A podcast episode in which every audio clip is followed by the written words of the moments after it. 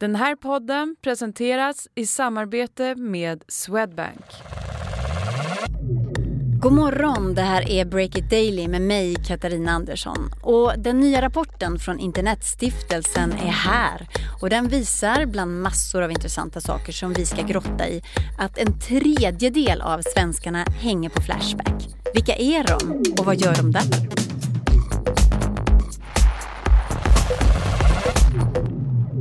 Det är onsdagen den 3 oktober och idag presenteras megaundersökningen alla väntat på. Svenskarna och internet.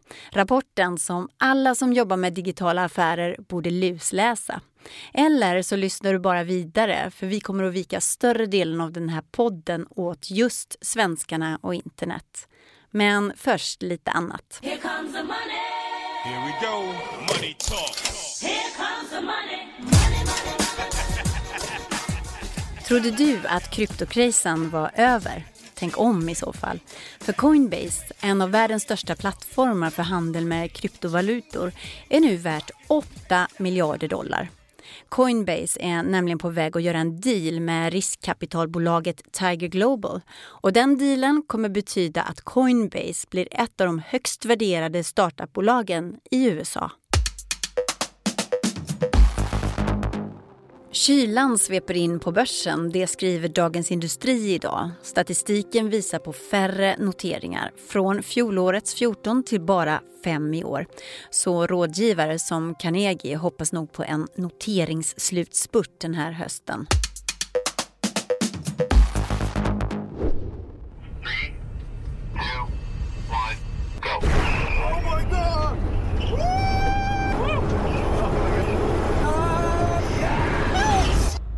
Tesla drabbas hårt av handelskriget mellan USA och Kina.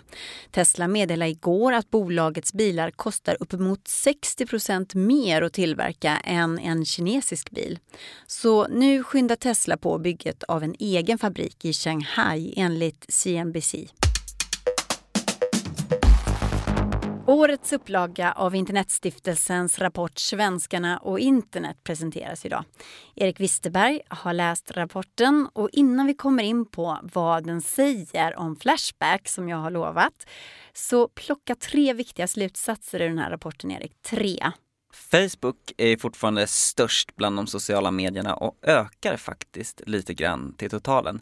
Men andelen som är på fejan varje dag, de, det minskar i alla åldersgrupper upp till 35 år. Mm. Instagram däremot fortsätter att toköka i alla åldersgrupper och Snapchat befäster sin position som kidsens favoritapp. 97% av flickorna på högstadiet använder Snapchat.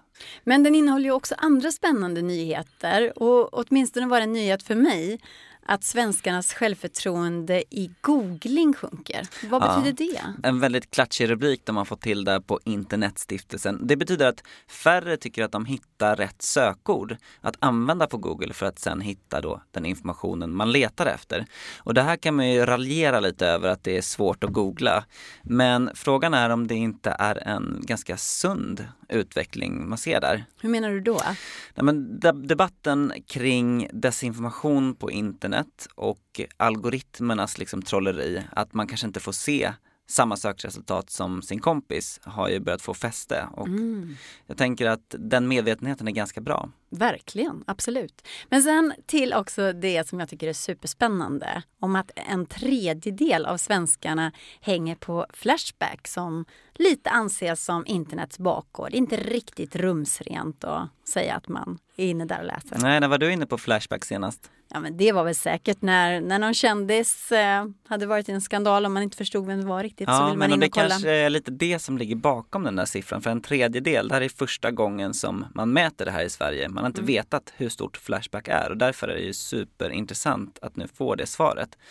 Och den här tredjedelen, det är ju de som någon gång är inne på Flashback och då tror jag att det är just som du, att man googlar ett namn plus Flashback helt enkelt för att se vad de stora medierna inte berättar helt enkelt. Mm. Och tittar man på siffrorna om hur många som är liksom hårda Flashback-knarkare, då är det ju bara en procent som är inne där varje dag och 4 procent som är inne en gång i veckan. Så att de flesta är ju som du, Mm, bara lite grann ibland. Ja. Så här, Sen en, en annan lite. intressant eh, överraskande spaning från rapporten är att de som tjänar mer än 750 000 om året använder Flashback betydligt mer än de som tjänar under 150 000. Så Wow! de rika Ja, hänger på Flashback. okej. Analys Erik, vad beror det på? Nej, jag har inte hunnit smälta det tillräckligt än det är svårt att säga men eh, det kanske är välbetalda datorprogrammerare som hänger där inne. Jag vet inte. Mm. Och ni som vill, ni kan läsa allt om den här undersökningen. Gå in på Breakit-sajten idag.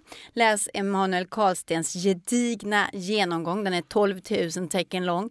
Han skriver bland annat att Youtube tappar hos de unga och att den största gruppen på Facebook nu är 45 plus.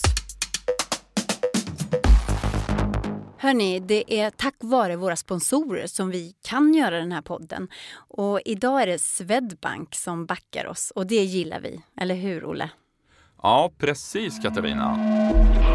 Och därför så är jag här med Johan Eriksson som är kommunikationschef på Swedbank. Eh, du Johan, varför finns Rivstart?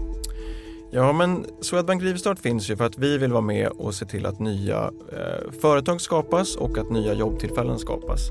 Eh, vi hoppas ju på, precis som förra året, att det kommer in en mängd nya affärsidéer och att vi med hjälp av Rivstart kan se till att tio nya hållbara företag skapas i Sverige.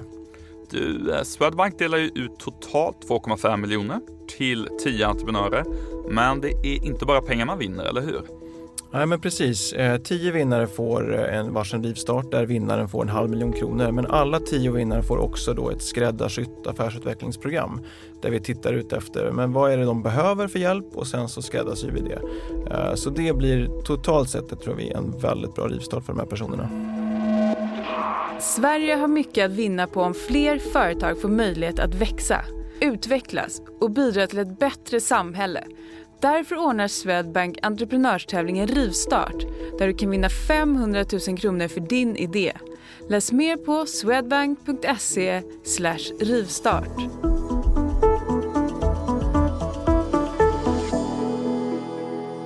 Break It Daily hör du imorgon igen. Vi blir jätteglada om du vill prenumerera på podden i en poddapp. Och gå gärna in och rejta oss. Då syns vi mer och kan få fler lyssnare. Ansvarig utgivare är Olle Aronsson och jag heter Katarina Andersson. Vi hörs imorgon igen om du vill.